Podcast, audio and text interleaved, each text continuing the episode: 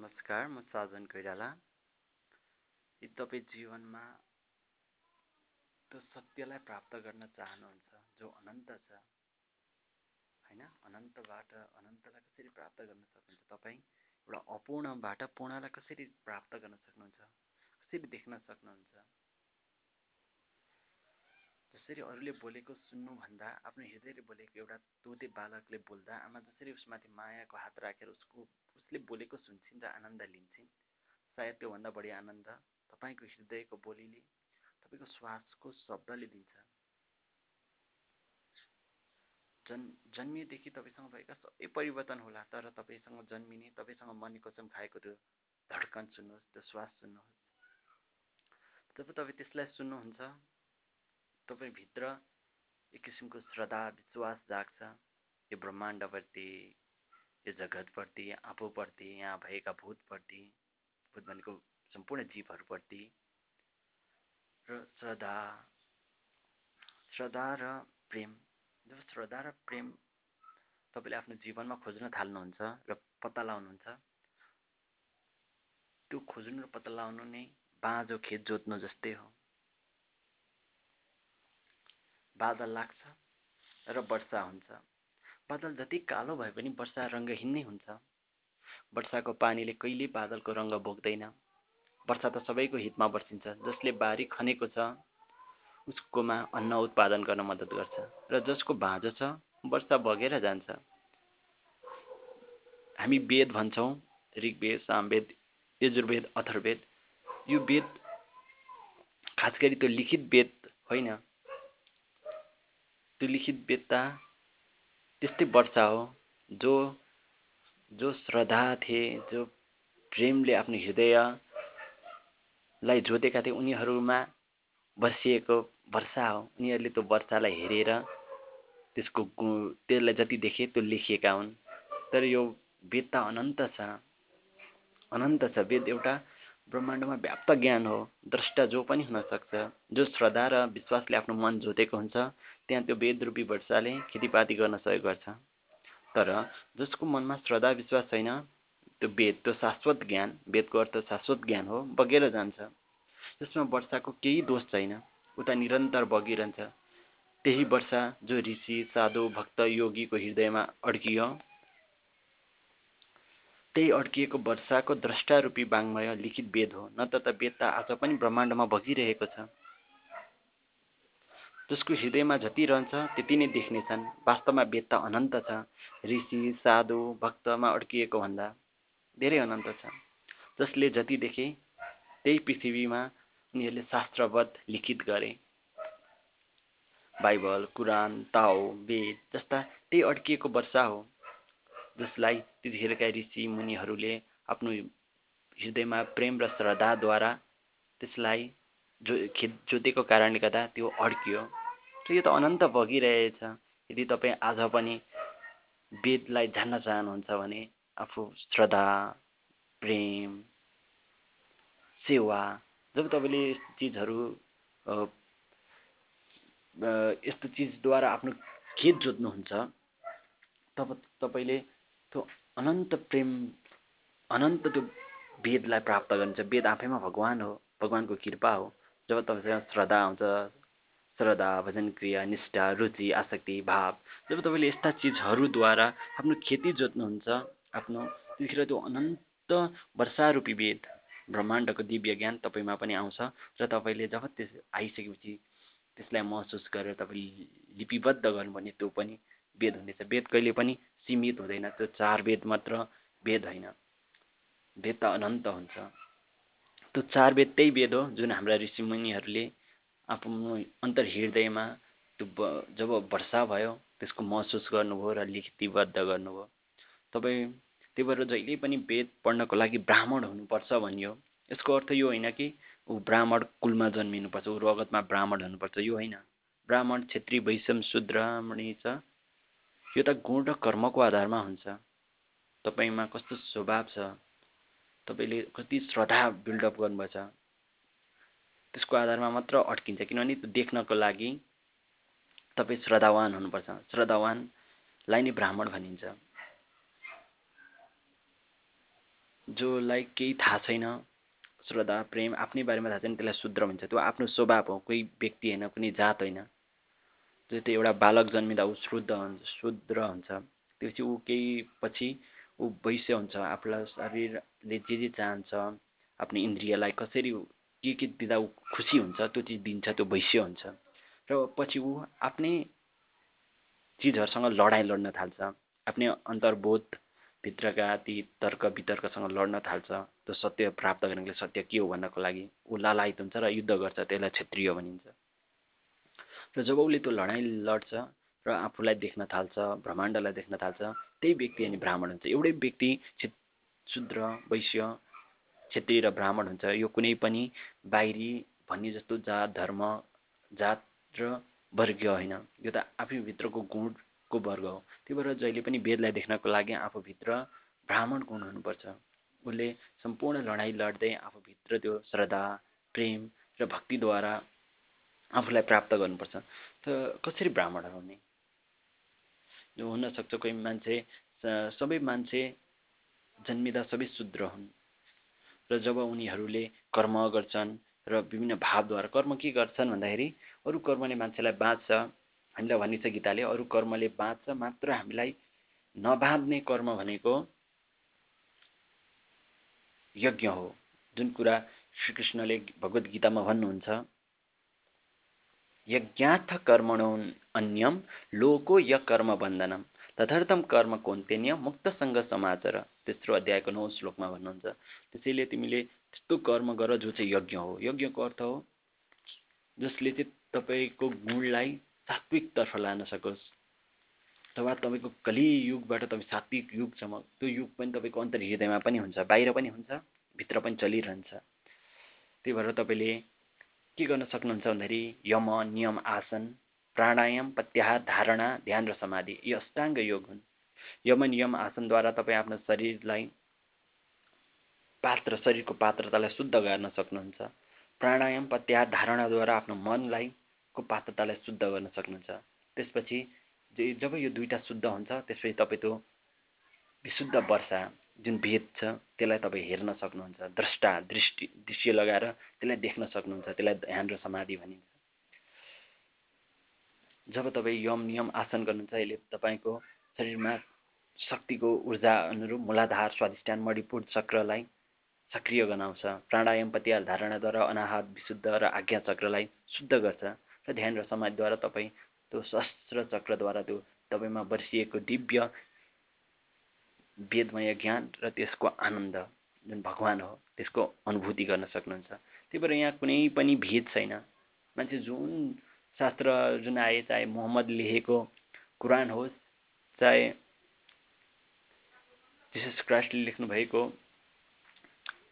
देख्नुभएको बाइबल चाहे बुद्धले देख्नुभएको त्रिपिटक चाहे हाम्रा ऋषिमुनिले देखेको चारवटा वेद अथवा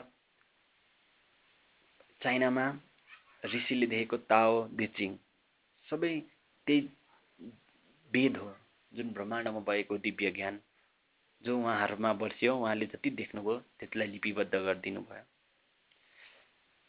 त्यही भएर यम यसमा हामीले यति अष्टाङ्ग योग गरेर यम नियम आसन यममा पर्छ अहिंसा नगर्नु शब्द र विचार र कर्मबाट आफ्नो र अरूको हानि नगर्नुलाई अहिंसा हुन्छ। सत्य विचार र व्यवहारमा सत्यता राख्नु विचार जे छ व्यवहार त्यही होस्। र अस्त्रेय भनेको चोर चोर प्रकृतिको नहुनु। आफूमा डिपेन्डेन्ट हुनु। ब्रह्मचर्य हो भने ब्रह्म जस्तो चर्य ब्रह्म भनेको भगवान्। भगवान्को जस्तो आचर्य सबलाई समान भाव देख्न सक्ने अपरिग्रह आवश्यकताभन्दा बढी संशय नगर्नु। यो अहिंसा सत्य अस्त्रेय ब्रह्मचर्य अपरिग्रह यो यममा यम अन्तर्गत पर्दछ। र नियम भनेको शौच भनेको शरीर मनको शुद्धि गर्ने सन्तोष आफ्नो स्थितिमा सन्तुष्ट रहनु तप स्वयंमा अनुशासित हुनु शारीरिक मानसिक शारीरिक तप भाँडीको तप बौद्धिक तप भगवद् गीतामा छ तपस्या यी तिनवटा तपद्वारा आफूलाई अनुशासितमा रहनु स्वाध्याय भनेको आत्मा चिन्तन गर्नु आफ्नो अनुभूति गर्नु कति वर्षिँदैछ त्यो वेद त्यसलाई हेर्नु र ईश्वरप्रति ध्यान परम ऊर्जा त्यो परम श्रद्धा त्यो भगवान्प्रति श्रद्धा हुनु। यति यो यम र नियम भए चाहिँ आसनमा सूर्य नमस्कार वज्रासन सिंहासन मृगासन गरेर त्यो शरीरलाई एउटा डिभाइस जस्तो बनाउँछौँ त्यो ब्रह्माण्डको ज्ञान प्राप्त गर्ने। त्यहाँ पछाडि प्राणायाम आउँछ। प्राणायामद्वारा भाद्रिका अन्नम विलोम कपाल भाती गरेर हामी यो श्वासद्वारा श्वासलाई कन्ट्रोल गर्छौँ र श्वासलाई कन्ट्रोल गरेर मनलाई कन्ट्रोल गर्छौँ। र प्रत्याहार भनेको यो मनले खान्छ। इच्छा जे पनि माग्छ क्या। चञ्चल छ नि त। यसलाई यो मनलाई त्यस्तो मात्रै खुवाउने जुन चिज आवश्यक छ। र यो मनको ऊर्जालाई जता पायो त्यति जान नदिने यसलाई कन्ट्रोल गर्ने। त्यही भएर यसलाई कन्ट्रोल गर्नको लागि कुनै मन्त्र मेडिटेसन अथवा कुनै वैदिक मन्त्रहरूको उच्चारण अथवा कुनै राम्रो आक भगवान्को आकृति वा उयोहरूमाथि दृष्टि त्यो हेरेर अथवा आफ्नै कुनै अन्त कुनै रूप ध्यान त्यहाँबाट चाहिँ बिस्तारो उसको बाहिर जाने ऊर्जा कुनै एउटा चिजमा लाग्छ। र धारणा। उसले आफ्नो धारणा चाहिँ मानेको धारणा दुईवटा हुन्छ। देव धारणा दाम धारणा दुइटा आएर छ त्यसमध्ये उसले देव धारणा दैविक गुण। त्यो दैविक गुणलाई हेर्न थाल्छ त्यसलाई धारणा भन्छ। जब यति प्राप्त भइसकेपछि धारणा चाहिँ अब ध्यान र समाधि आउँछ। त्यो दिव्य वेदमय दिव्य ज्ञान दिव्य शुद्ध शुद्ध ज्ञान तपाईँमा बर्सिन्छ। जब तपाईँ त्यसको अनुभव गर्नुहुन्छ तपाईँ आफूलाई आफ्नो परिचय थाहा पाउनुहुन्छ भगवान्लाई चिन्नुहुन्छ र तपाईँ नित्य समाधिमा प्राप्त गर्नुहुन्छ। यही नै हो त्यो दिव्य वेदको कुरा। वेद कुनै पनि लिखित वेद होइन ऋग्वेद सामवेद यजुर्वेद अथर्वेद यी त एउटै वेदलाई चार खण्डमा विभाजन गरेको जुन उहाँहरूले देख्नुभएको थियो। उहाँहरूले देखेकै चिज देख्नु पनि ठुलो कुरो हो तर तपाईँ आफू अष्टाङ्ग योगको प्र्याक्टिस गरेर भक्ति योगको प्र्याक्टिस गरेर क्रिया योगको प्र्याक्टिस गरेर श्रद्धा प्रेम अथवा जुनसुकै सम्प्रदायमा पनि तपाईँ उहाँले भनेको चिज गरेर सङ्घर्ष गरेर जब तपाईँ आफूमा प्रेम श्रद्धा भक्ति विश्वास रुचि आसक्ति भाव जस्ता चिजहरू परिपूर्ति गर्नुहुन्छ त्यसपछि तपाईँले जे देख्नुहुन्छ त्यो देखिएको चिज वेद हो। त्यही भएर वेद को सृष्टिकर्ता स्वयं ब्रह्माजी हुनुहुन्छ। ब्रह्माजीको पनि मनमा आएको ब्रह्माजीमा पनि त्यो दिव्य प्रकट भएको उहाँले पनि देख्नुभएको। र हाम्रो ऋषिमुनिले पनि देखेका हुन्। र जो जो आध्यात्मिक प्र्याक्टिस गरेछन् उनीहरूले पनि देख्नेछन् त्यो ज्ञानलाई। र यो ज्ञान स्वयं आफैमा ब्रह्म हो आफैमा भगवान् हो आफैमा परमात्माको दिव्य ज्ञान हो। त्यो बर्सिरहन्छ। हाम्रो पात्रता शुद्ध हुनुपर्छ। जबसम्म पात्रता शुद्ध हुँदैन तबसम्म हामीले त्यसलाई प्राप्त गर्न सक्दैनौँ। आज विभिन्न किसिमका भेदहरू जन्मिएको छ। सायद यही कारणले हो मान्छे धर्म धर्म शास्त्र शास्त्रमा। किनभने सबैले जति देख्छ त्यही अनुसार उसले त्यही मात्र सत्य ठान्छ तर यो त अनन्त छ यो ज्ञान त अनन्त छ। त्यही भएर चाहे तपाईँ जे गर्नुहोस् जसमा आश्रित रहनुहोस् तर यो अष्टाङ्ग योग गर्नुहोस् अथवा यो चाहिँ तपाईँ पात्रता बनाउनुहोस् जो पात्रता भन्ने छ त्यो दिव्य प्रेम बर्सिन्छ। तपाईँको पात्रता जति ठुलो भयो त्यति त्यो दिव्यता तपाईँमाथि अड्किनेछ तपाईँ त्यति खुसी हुनेछ यो अनन्त छ। तपाईँ पात्रता कति बनाउन सक्नुहुन्छ? थाहा छैन मलाई पनि थाहा छैन म कति बनाउन सक्छु? म प्रयत्नरत छु। त्यो दिव्यता प्राप्त गर्नको लागि त्यो दिव्य बाङ्मय रूपी त्यो वेद दिव्य ज्ञानलाई प्राप्त गर्नको लागि। जब त्यो प्राप्त हुन्छ। म आफूलाई चिन्न सक्छु परमात्मालाई चिन्न सक्छु। र जति अरू छन् अरू श्रुति यो श्रुति हो यो दिव्य ज्ञान आफै आउँछ। त्यसको अनुभूति हुन्छ आफूभित्र खोज्दाखेरि। र अरू सबै भनेको कुनै त्यो खोज्दाखेरि भेटेका चिजहरूलाई कथा बनाएर पुराण लेख्छु। त्यो आफूले त्यो दिव्य वर्षेको ज्ञानको महिमा गान गरेर विभिन्न कथाहरू इतिहास कथा भूगोल यो ब्रह्माण्डको क्यारेक्टरिक चरित्रहरू र राजाहरूको इतिहासलाई समेटेर म वेद म पुराणहरू लेख्छु। र त्यहाँ भएका दिव्य ज्ञानहरूलाई समेटेर त्यसको स्मृति रूपमा स्मृति देख्छु र यस्तै स्मृति अनि त्यहाँ पछाडि हो यस्तै चिजहरू लेखिने हुन्। तर त्यो दिव्यता सबैको दिव्यता भेद हो। त्यो वेद आफैमा पूर्ण छ त्यो बर्सिरहन्छ। वेद कुनै पनि हिन्दूको होइन न त मुस्लिमको न त यो यो दिव्यता हो। जसरी ग्राभिटी ल जसरी ग्राभिटी ल सबको लागि सत्य छ जसरी सूर्यको प्रकाश सबको लागि समान छ जसरी प्राणवायु अक्सिजन सबको लागि समान छ। त्यस्तै त्यो दिव्य वाङ्मय वेद त्यो वेदकै अर्थ हुन्छ शुद्ध ज्ञान जो सबैसँग अहिले पनि बसिरहेको हुन्छ त्यो सबैको लागि बराबर छ। यसले कसैलाई भेद राख्दैन तर जसको पात्रता शुद्ध छ उसले यसलाई देख्न सक्छ अरूले देख्न सक्दैन। तर जसले जे देखो त्यसले नदेख्नेलाई कहिले पनि घृणा भावले नहेरुन्। जसले देखो त्यसले अरूलाई पनि सुनाएर उसलाई त्यो हेर्नको लागि उसको पात्रता बनाइदेऊन् आफ्नो कुरा हाबी गरेर नलागुन्। किनभने आजभोलि संसारमा आफूले जसले देखेको छ उसले अरूलाई देखाउन खोज्छ क्या आफ्नै चिज। उसले देखेको भन्दा कसरी देखेको त्यो पात्रता उसलाई बनाइदिनु गुरुको काम हो? जब उसले यस्तो गर्छ अनि त्यसपछि त्यसपछि यो संसारमा मान्छेले आफ्नो औचित्य थाहा पाउन सक्छ। त्यो वेद दिव्य छ आनन्दमय छ सचिदानन्द विग्रह ऊ सचित आनन्दले भरिएको छ। ऊ शब्द ब्रह्म हो। ऊ बर्सिरहन्छ जहाँ जहाँ बर्सिन्छ र जसले जति जति प्राप्त गर्छन् त्यति त्यति त्यसको गुण देखिन्छ। सूर्यले प्राप्त गरेको अनुसार सूर्य चम्किलो पानीको रस हामीभित्रको शुद्धता बोट बिरुवाको फलफुल दिने त्यो सम्पूर्ण दिव्य ज्ञान हो तर हामी त्यसलाई देख्न सक्दैनौँ। त्यो सबैतिर बसिरहेको हुन्छ अणु अणुमा हुन्छ। अणु अणुमा भएको कारणले गर्दा हिन्दूमा विष्णु भनिन्छ। इस्लाममा इल्लाह इल्लाह भन्छ। जसको अर्थ हो उहाँ कण कणमा हुन्छ उहाँ मात्र पूजित हुनुहुन्छ। उहाँ मात्र प्राप्त योग्य हो।